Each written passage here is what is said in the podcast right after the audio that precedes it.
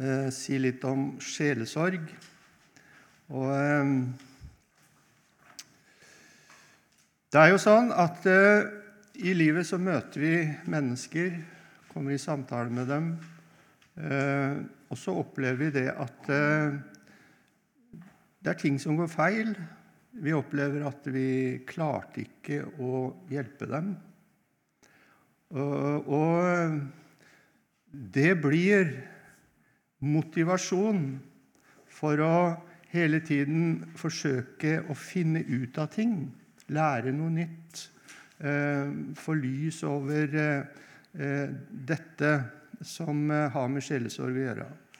Og Sånn har det vært for meg, og det er derfor jeg står her nå. Fordi at jeg har vært nødt til å jobbe med dette her nettopp pga. et behov for å Eh, lære mer, få mer innsikt og forståelse og på en måte komme på det riktige sporet i dette arbeidet her. Vi skal be sammen først.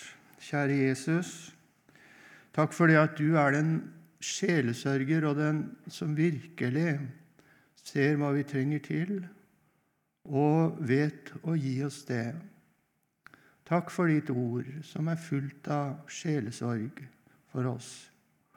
Og Når vi nå skal være sammen om dette, så ber vi Jesus om at vi kunne få en rett forståelse, innsikt og lys og klarhet i disse ting. At vi kan bli ledet inn i det fra ditt ord og ifra god kunnskap om disse ting. Amen. Ja, Sjelesorg, det handler om dette her å ha omsorg for seg selv og for andre. Og eh, i denne sammenheng, og det som jeg skal ta opp nå, det er veldig mye dette med et kristent grunnsyn. Det er helt, helt vesentlig. Og det for å kunne forstå mennesker, problemer og løsninger. Og det å være sjelesørger, det er jo å møte mennesker. Og jeg syns det er formulert veldig bra i tittelen på ei bok som er skrevet eh, om eh, Gordon Johnsen, eh, som heter 'Møter med sårbare sinn'. Og det er nettopp i en slik situasjon at vi møter mennesker i nød. Ehm, og så, opplever, så kan vi oppleve det at nettopp denne nøden kan være en åpen dør som vi skal få lov til å gå inn gjennom eh, med eh, Guds ord, med lyset, med sannheten og med sjelesorg. Og det å kunne forstå mennesker eh, Det er jo sånn at eh, vi eh, skal forstå dem og deres situasjon. Og Da er det helt nødvendig med kunnskap, både bibelsk og psykologisk. Men det som er mest nødvendig, ehm, det er Den hellige ånd. Det er, det er Jesus. Ehm, det var derfor Gordon Johnson når han hadde samtale, så satte han alltid en stol, ledig stol ved siden av eh, kontorpulten sin, hvor han gjorde oppmerksom på det, at der sitter Jesus for å, både for seg selv og for de som kommer, at det, han er til stede i kristen sjelesorg. Og i den sammenheng, da er det jo veldig viktig å minne om eh, at det handler om en sjelesørgers liv med Gud i Jesus Kristus. Og I den sammenheng så vil jeg minne om én sak. Det er jo mange ting som, som vi kunne ta frem, men det som Paulus skriver om i eh, andre korinterbrev, i det, i det tolvte kapitlet og i vers 9 Vi kan slå opp der.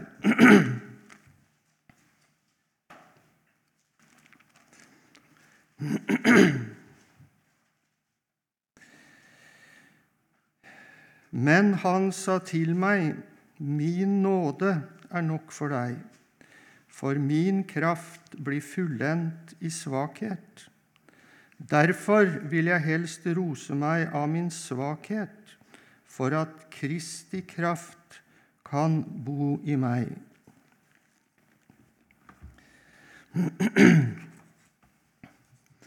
Paulus han hadde altså noe i sitt liv som gjorde eh, han, kall, han, sier det var en Satans engel som skal slå meg.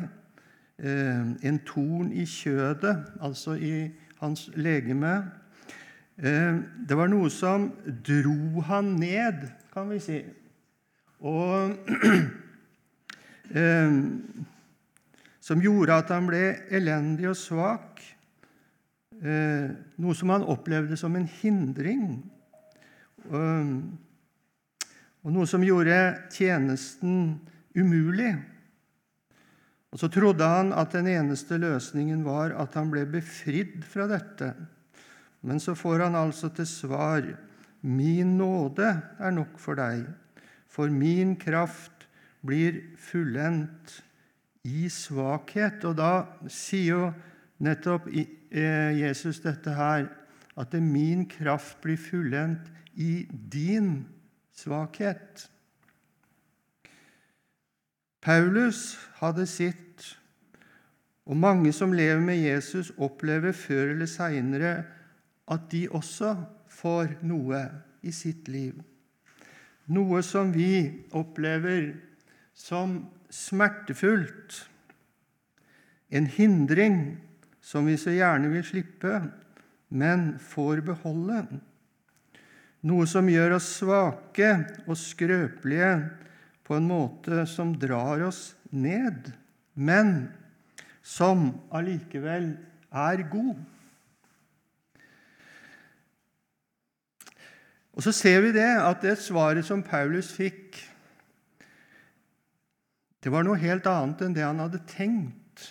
Men det var altså en ny åpenbaring, dette her. Det var noe Paulus ikke hadde sett før, ikke sett det sånn som han fikk det åpenbart. Min nåde er nok for deg, for min kraft blir fullendt. Altså, det ordet 'fullendt' det betyr jo at den får utfolde seg uhindra, fullendt, når du er i svakhet. Det betyr jo at vår styrke hindrer og binder hans kraft. Og derfor er det godt at jeg er svak, sier Paulus, det vil jeg rose meg av. Jeg er svak for Han, for at Han skal være sterk i meg. At Kristi kraft kan bo i meg.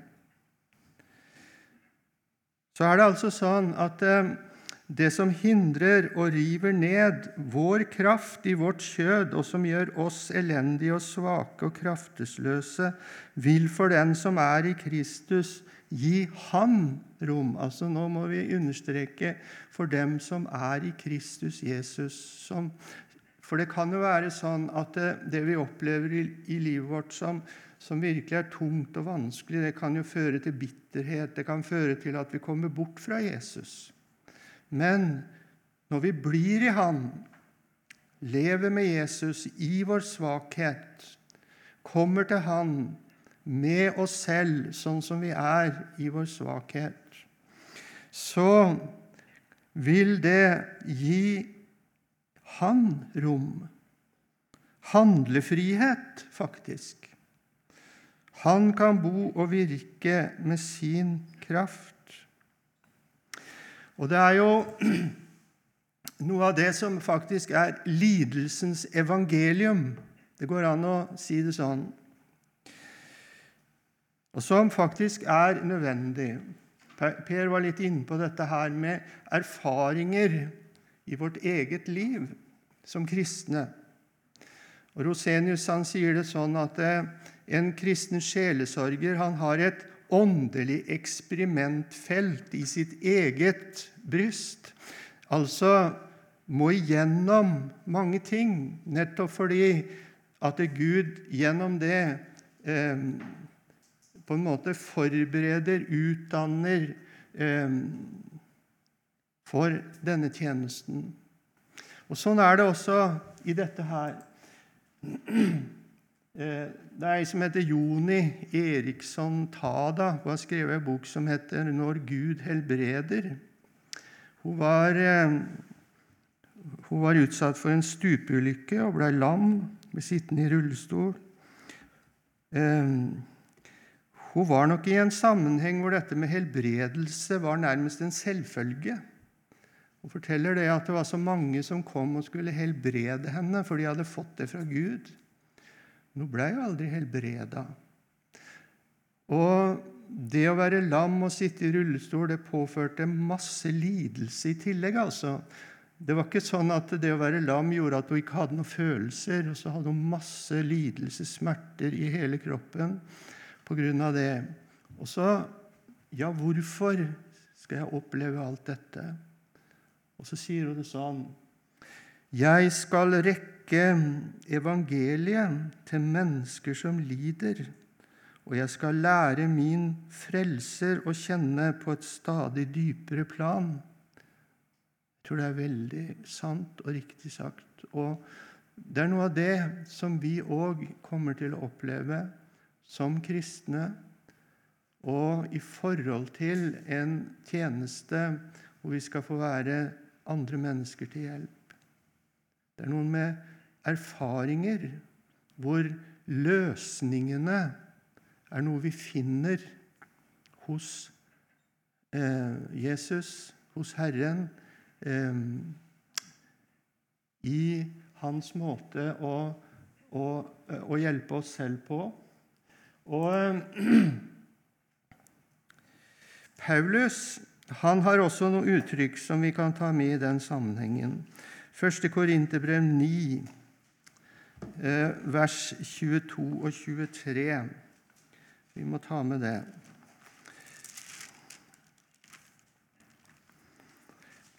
Det er sånn at eh, det er mange spørsmål som reiser seg i oss når vi opplever ting i livet vårt som virker så meningsløst, som virker så eh, mot sin hensikt, liksom. Vi opplever ting som vi trodde aldri skulle skje med en som lever med Jesus. Og Så sier Paulus noe her i, i um, dette her Skal vi se Nå er jeg ikke helt med her. Så. Ni. Han sier jo flere ting her, men jeg har tatt ut bare dette. For de svake er jeg blitt svak, for å vinne de svake.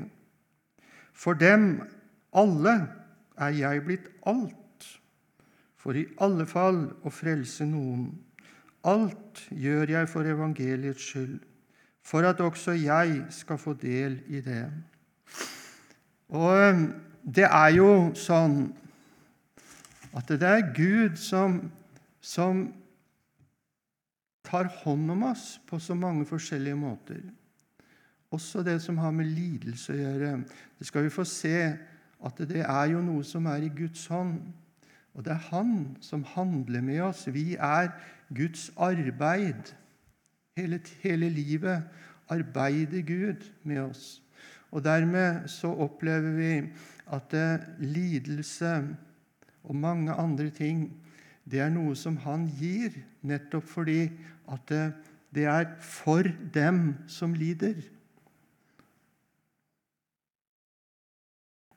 Svak for de svake, lidende for de lidende. Alt gjør jeg for evangeliet. Det var litt som jeg syns er Det er blitt veldig eh, viktig for meg, og det, det, er noe som har gått opp for meg, hvor, hvor, hvor eh, sentralt akkurat det er i tjenesten som har eh, med sjelsorg og det å kunne eh, bety noe for andre mennesker.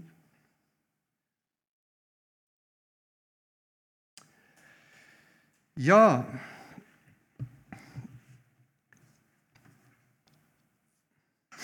Nå er vi sammen til kurs i sjelesorg, og vi kommer til å hente lærdom både fra Bibelen og psykologien. Og vi tenker gjerne at mer kunnskap og mer innsikt gjør oss bedre rustet. Og til det bør vi si både ja og nei.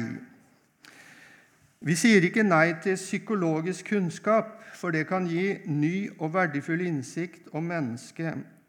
Det kan oppleves Og så er det jo sånn med det som har med psykologi å gjøre, at det kan oppleves både spennende og interessant og problemløsende. Men så kan det også føre til at det bibelske menneskesyn egentlig kommer i bakgrunnen. Og um, mye av, det, av den psykologi som vi møter i vår tid, og de løsninger som den presenterer, eh, den er sånn at dette er fraværende. Det handler i stor grad om å hjelpe mennesker til å få det bra med seg selv. Og det hører jo det hører også med og er viktig i kristen sjelesorg. Men det blir allikevel feil om det bibelske menneskesyn og budskap uteblir. Om ikke den åndelige dimensjon er med, frelsen og livet med Gud, mangler det viktigste. Ja, Nå skjønner dere det at eh, det er en del ting som Per har sagt, som jeg også kommer inn på. Altså, Vi kommer til å overlappe hverandre litt. Jeg tenkte jeg skulle sagt det til å begynne med. Nå sier jeg det nå. Eh, men det er jo også sånn at vi kanskje sier det på litt forskjellige måter. Så kan det være litt utfyllende. Et bibelsk menneskesyn gir også de rette forutsetninger for en bibelsk psykologi, hvis det går an å si det sånn. Jeg tror det. Eh, det er ikke mange dager siden jeg traff en prest som var veldig skeptisk til psykologi. Og Han sa det at hvis vi skulle ha noe med psykologi å gjøre, så måtte eh, det være en luthersk psykologi. Ehm, jeg, jeg, vet ikke om at det er noen som har utforma en slik. Eh, og går det egentlig an å, å snakke om det? Ja, det må i tilfelle være et bibelsk menneskesyn som forener luthersk teologi og psykologisk kunnskap og finner her altså noe som faktisk går sammen. Eh, og jeg tenker at det hadde kanskje vært et, et, veldig bra arbeid å prøve å jobbe litt med det. Det beste jeg har vært borti i så måte, eh, det er det jeg har lest av Gordon Johnsen i disse bøkene, bl.a., som dere har eh, fått som pensum. Eh, og også de sjelesorgkursene som jeg har vært med på i Sverige.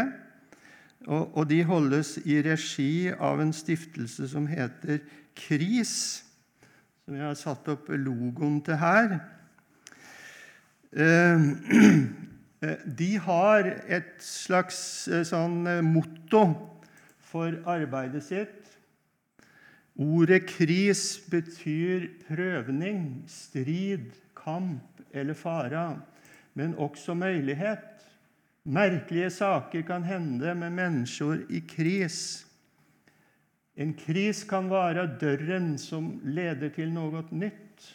Vi vil hjelpe å åpne denne døren.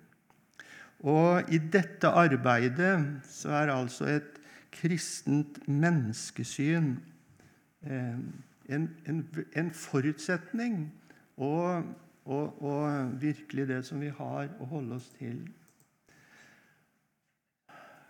Et par sitater av Gordon Johnsen, eller fra den boka som heter 'Møte med, med eh, sårbare sinn'. Um, Gordon Johnsen var jo både sjelesørger og eh, psykiater. Han jobba med begge disse to feltene. Eh, og han hadde jo masse erfaring. Gjennom 40 år så, så arbeidet han med dette her. Og det er jo noe av det som han erfarte, ikke bare i sitt eget arbeid, men også i møte med det som andre eh, gjorde på dette området, at han eh, gir uttrykk for sånne ting som dette her. Sjelesorgarbeidet er et uhyggelig forsømt felt innen våre, vår kirke, eller våre kirker. Prester og menighetsarbeidere må i langt større grad enn hittil utrustes for å kunne ta på seg sjelesørgeriske oppgaver. Vi ønsker å gi sjelesørgere bedre innsikt i menneskesinnet enn det teologiske studium i dag gir dem. Enda begge deler burde være likeverdige.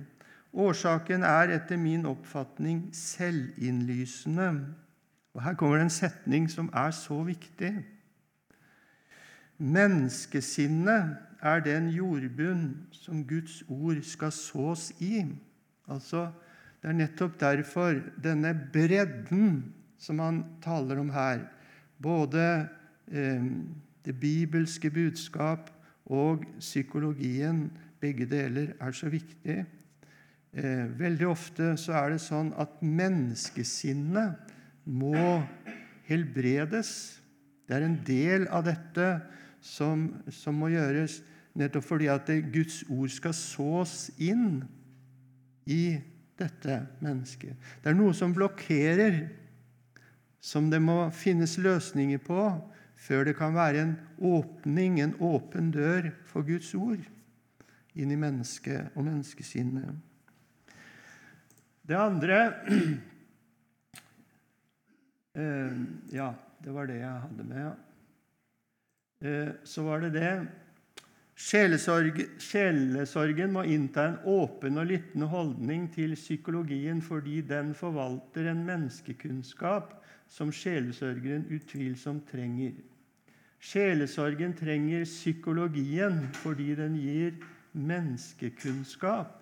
Alt som angår mennesket, angår på eller annen, et eller annet vis også sjelesorgen.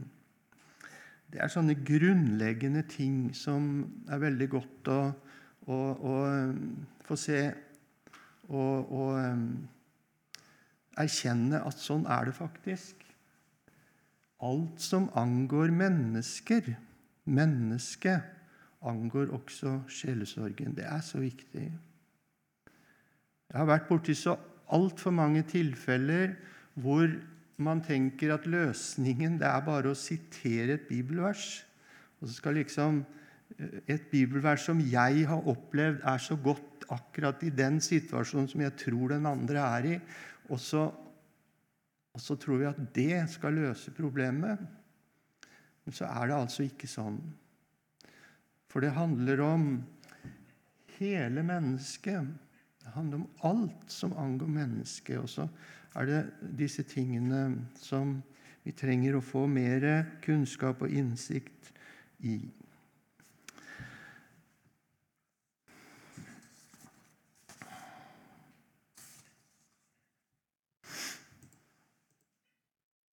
Ressurser i kristen sjelesorg tar det litt raskt. Guds ord, Bibels kunnskap. Altså Guds ord. Det er altså noe som er gitt oss både til overbevisning, til, til eh, eh, Ja, vi får slå det opp. Andre Tim Det er jo et eh, et veldig kjent vers, og det er lett å huske det, for det er andre Tim 3,16. Sånn 3,16, det har vi hørt om før. Hele Skriften er inspirert av Gud og nyttig til lærdom, til overbevisning, til rettledning, til opptuktelse i rettferdighet, for at Guds menneske skal være fullkomment, satt i stand til all god gjerning. Nyttig til lærdom, overbevisning, rettledning, opptuktelse i rettferdighet. Altså Her har vi en rik, en veldig rik kilde. Eh, psykologien, eh, psykologisk kunnskap, det er jo alt det som er på en måte eh, funnet ut, forska på, kunnskap om mennesket, om menneskesinnet, menneskenaturen, hvordan ting henger sammen i oss mennesker. Sjel og ånd og legeme. Her er det ting som påvirker hverandre, som hele tiden vi trenger også mye kunnskap om. Det er mange som har forska mye, eh, som har funnet ut og lært mennesket å kjenne, også på denne måten. Sjelesorg det kan være et samarbeid mellom disse to, hvor Bibelen har det siste ordet. Det er litt viktig å si det, da. For det er en del i psykologien som er imot Bibelen. Og da er det ikke psykologien som har rett, men da er det Bibelen som har rett. Guds ord har rett. Jeg kunne nevnt mange eksempler på det, men eh, eh det kommer etter hvert. Altså et samarbeid mellom psykologi og eh, teologi, eller bibelsk kunnskap. Men så er det jo sånn at eh, dette er to fagområder. Det er viktig. Altså, Psykologisk kunnskap det er ett fagområde, og den bibelske, teologiske, det er et annet. Og hver av dem trenger eh, fagkunnskap, eh, innsikt. Så det er ikke sånn at vi skal nødvendigvis blande det. Eller det er kanskje endatil viktig å si at vi skal holde det fra hverandre. Men samtidig så er det altså noe som kan samarbeide i prosessen med å hjelpe et menneske. Disse to tingene de, de må ikke stå imot hverandre. Mange tenker at, at eh, psykologi det er liksom motsetningen til det kristne. Og det kommer nok av at mye psykologi er eh, mot det kristne budskapet, mot Bibelen. Men det er ikke sånn at det må være det. Eh, all eh, sannhet er bibelsk sannhet, er det en som har sagt. Og, og det er rett, altså, også når det gjelder forholdet mellom psykologi og, og og eh, bibelsk kunnskap. Kan, ta... kan vi si det litt som det er med legevitenskapen? Altså, legevitenskapen den er jo, Vi er glad for den. Forsker på menneskets fysiske helse og medisiner og alt sånt noe. Mm. Vi, vi, sier ikke nei til den. Det betyr ikke at det er en naturalistisk verdensoppfatning som en del leger har, hvor mennesket er bare på en måte kroppen her og nå. Mm. Vi godtar jo ikke den. Det betyr ikke at det er den diskvalifiserer han til å behandle oss. Nei da. Altså Hvis vi har kreftlidelse. Sånn er også med psykologien. Altså, men det er der den blir totalforståelse, og der den utelukker det kristelige, som vil den ha store problemer. Og den vil ofte da gå inn mer enn legevitenskapen gå inn på det åndelige området. og Derfor motsetningen. Ja. Det betyr ikke at det selve fagområdet er diskvalifisert. nei, nei. Nei, Det er sånne områder hvor de har en helt annen teori, f.eks. om mennesket. Syndefallet for eksempel, det er jo helt fraværende i veldig mye psykologi. da, For å ta et eksempel. Eh, men her kan vi ta et bilde, da, en liten illustrasjon. Eh, det er jo sånn at eh, det vi ser i et menneskes liv, da, eh, den, på en måte, den ytre historien, det er jo det vi kaller for symptomer. Og Det kan jo være reaksjoner, måter mennesker reagerer på. Det kan være eh, deres oppførsel, eh, ting som skjer i livet deres. Det kan være handlinger som de gjør. Eh, mange sånne ting får vi vite noe om som, som egentlig er symptomer på at her er det noe som er galt. Men hva er årsaken? Det er jo eh, det vi ikke uten videre ser. Men det kan altså være eh, Psykologien de, de, jobber med sånne ting som sår, vonde opplevelser eh, i barndommen. Det kan være fortrengte følelser. Det kan være minner som ligger der i underbevisstheten ofte, som, som virker sånn i sjelslivet, i det indre, at det får eh, ytre konsekvenser, eh, symptomer. Mens i, i, Bibelen så har vi jo da dette med kjødet, den syndige natur, som jo også hører med i bildet om eh, det å være menneske. Eh, årsak til hva vi faktisk hvordan vi reagerer og oppfører oss og handlinger. Syndefallet det hører absolutt med. Ehm, døden ehm, og Da tenker vi både på den fysiske, men også dette med, med at eh, vi er døde i forhold til Gud, den, det åndelige med dette her.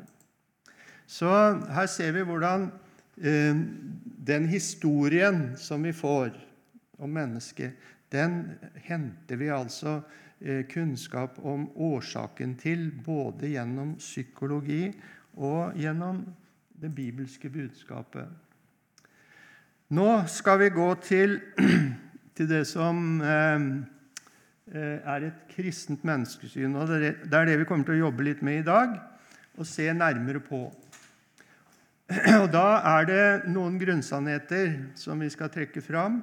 Det første det er altså skapelsen Mennesket som er skapt av Gud.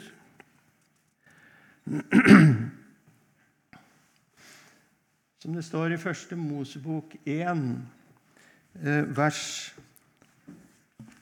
26 og 27. Vi må lese det. Det er sånne vers som er godt å gjenta, selv om vi har hørt dem og kan dem sånn delvis. Første Mosebok 1, 26.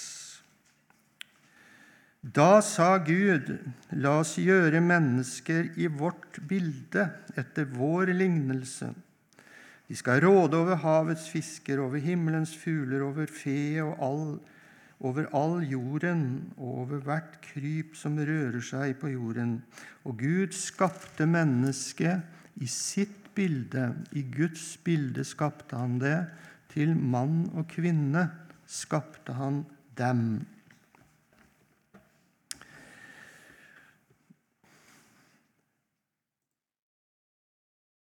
Her er den første sannheten eh, i et bibelsk menneskesyn.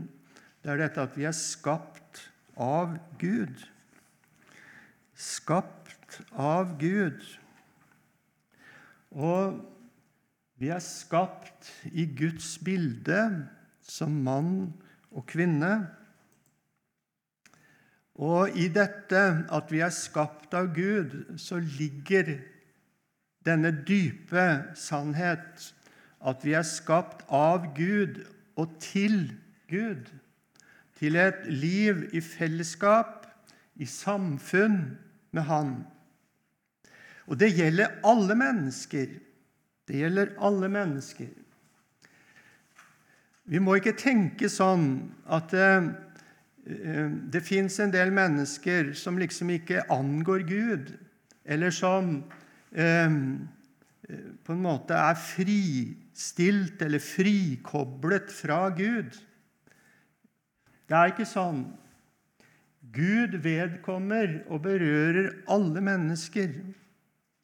Når du møter et menneske, så møter du et menneske som trenger Gud, som er skapt av Gud og til Gud. Det skal vi huske på. Alle har Guds stempel. Og det å være skapt i Guds bilde, det betyr at eh, Gud har lagt ned i oss mennesker eh, noe som, som eh, er fra Han. Altså det, da snakker vi her i sjelesorgen så snakker vi om fire forskjellige egenskaper.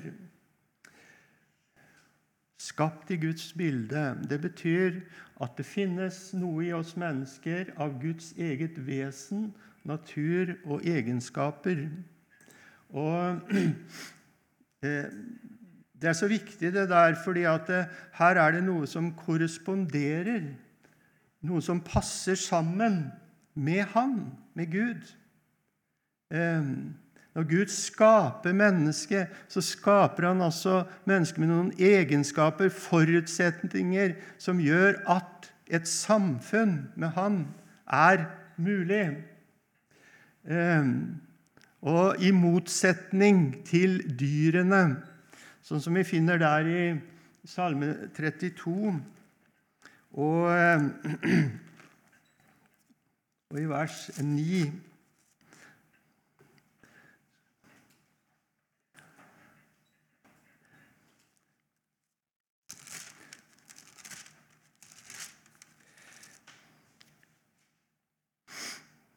Vær ikke lik hest og muldyr, som ikke har forstand.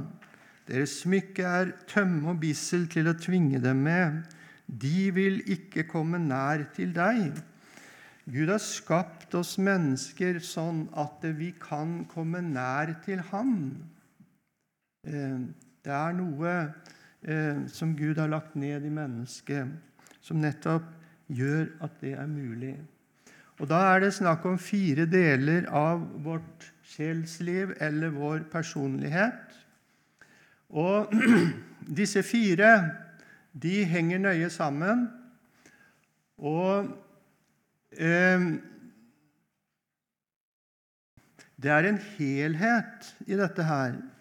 Selv om det er fire Vi bruker dette uttrykket 'fire forskjellige', så er det allikevel noe som påvirker hverandre, som, som eh, henger sammen med hverandre på en, på en, veldig nøye og viktig måte.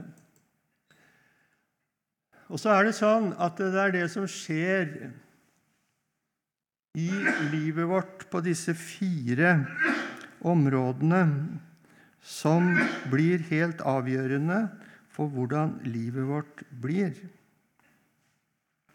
Eh, vi kan si det sånn at det handler om at de fylles på en god måte. Og disse fire eh, egenskapene, eller eh, noe som Gud har lagt ned i oss, det er denne evnen til å lengte, til å tenke, til å velge og til å føle. Og Det er disse fire vi skal se litt nærmere på. Nå er det jo sånn at eh, det er mer enn det. Det med Guds bilde. Det er mye større enn dette. Men når det gjelder sjelesorgen, og når det gjelder eh, også innenfor psykologien, så er det disse fire som er vesentlige, og som vi derfor bruker eh, tid på å se nærmere på. Disse fire tingene lengte, ehm, tenke, velge og føle.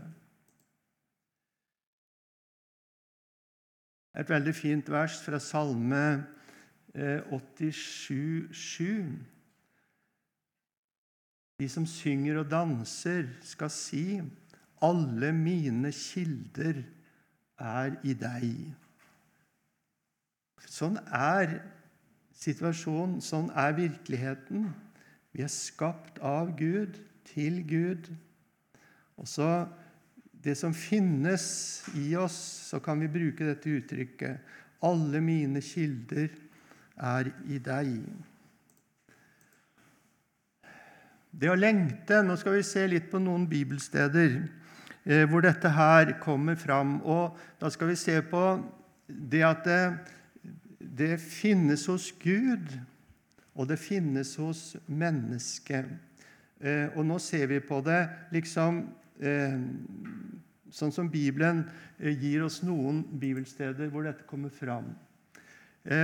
Lengsel Jesajas 30, 18. Likevel lengter Herren etter å være nådig mot dere. Gud lengter. Og Jesus sier det jo sånn til disiplene sine.: Jeg har hjertelig lengtet etter å ete dette påskelammet med dere. Så har vi et vers som uttrykker menneskets lengsel. Du er min Gud, tidlig søker jeg deg, min sjel tørster etter deg, mitt kjød lengter etter deg i et tørt og uttørket land hvor det ikke er vann. Lengsel etter Gud. Altså dette har Gud lagt ned i oss mennesker. En dyp, en sterk lengsel. Det er noe av det sterkeste og dypeste i oss mennesker. Den rettferdiges lengsel er bare det som godt er.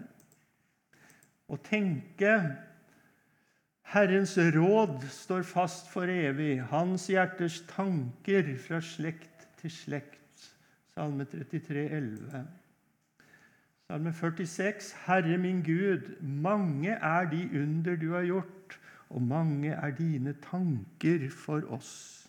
Ser du hvordan det Gud gjør og handler? altså Det kommer fra det han tenker. Han legger råd. altså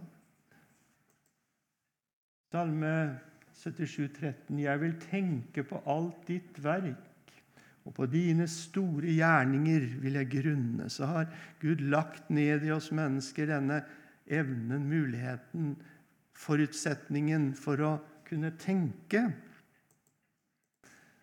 så har vi det med å velge. Vi ser det mange steder i Bibelen at Gud gjør valg.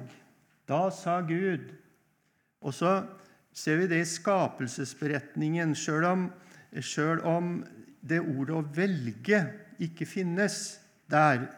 Så ser vi allikevel det at Gud han hele tiden tar noen avgjørelser. Det skjer noe. Gud sa, Gud kalte hvelvingen himmelen, Gud gjorde Gud sier 'jeg vil gjøre ham'. Altså Hele tiden så ser vi Gud velger noe. Hele tiden. Skapelsen. Eh, der ligger til grunn hele tiden noe som Gud har bestemt, valgt, eh, beslutta. Det samme ser vi jo veldig mange ganger i hvordan Gud eh, velger mennesker, velger noen til tjeneste. 'Jeg valgte ham blant alle Israels stammer til prest for meg.' Gud velger. Så har vi dette fra menneskesida eh, i Jobbs bok bl.a. La oss velge det som er rett. La oss sammen søke og finne ut det som er godt. altså. La oss velge. Eh, det betyr jo at mennesket har en mulighet til det. Gud har lagt ned i mennesket denne evnen til å velge. Føle Skal vi se Nå er det lunsj, er det ikke det? Ja, Skal vi bråta den, så, så er vi ferdig med den. Da var jeg Jeg syns det er veldig fint, dette her med følelse hos Gud og hos Jesus, hans sønn. Eh, under skapelsen så sier altså Sønnen Da var jeg hos han som kunstner, jeg var hans glede dag etter dag, og jeg frydet meg alltid for hans åsyn. Fordi Herren elsker sitt folk. Kjærlighet er følelse. Herren angret, han var full av sorg. Mange ting som viser følelse. Og så har vi også fra menneskesiden sorg og glede og fryd. Eh, alt dette her viser altså disse fire tingene. Skal vi synge boligverset her?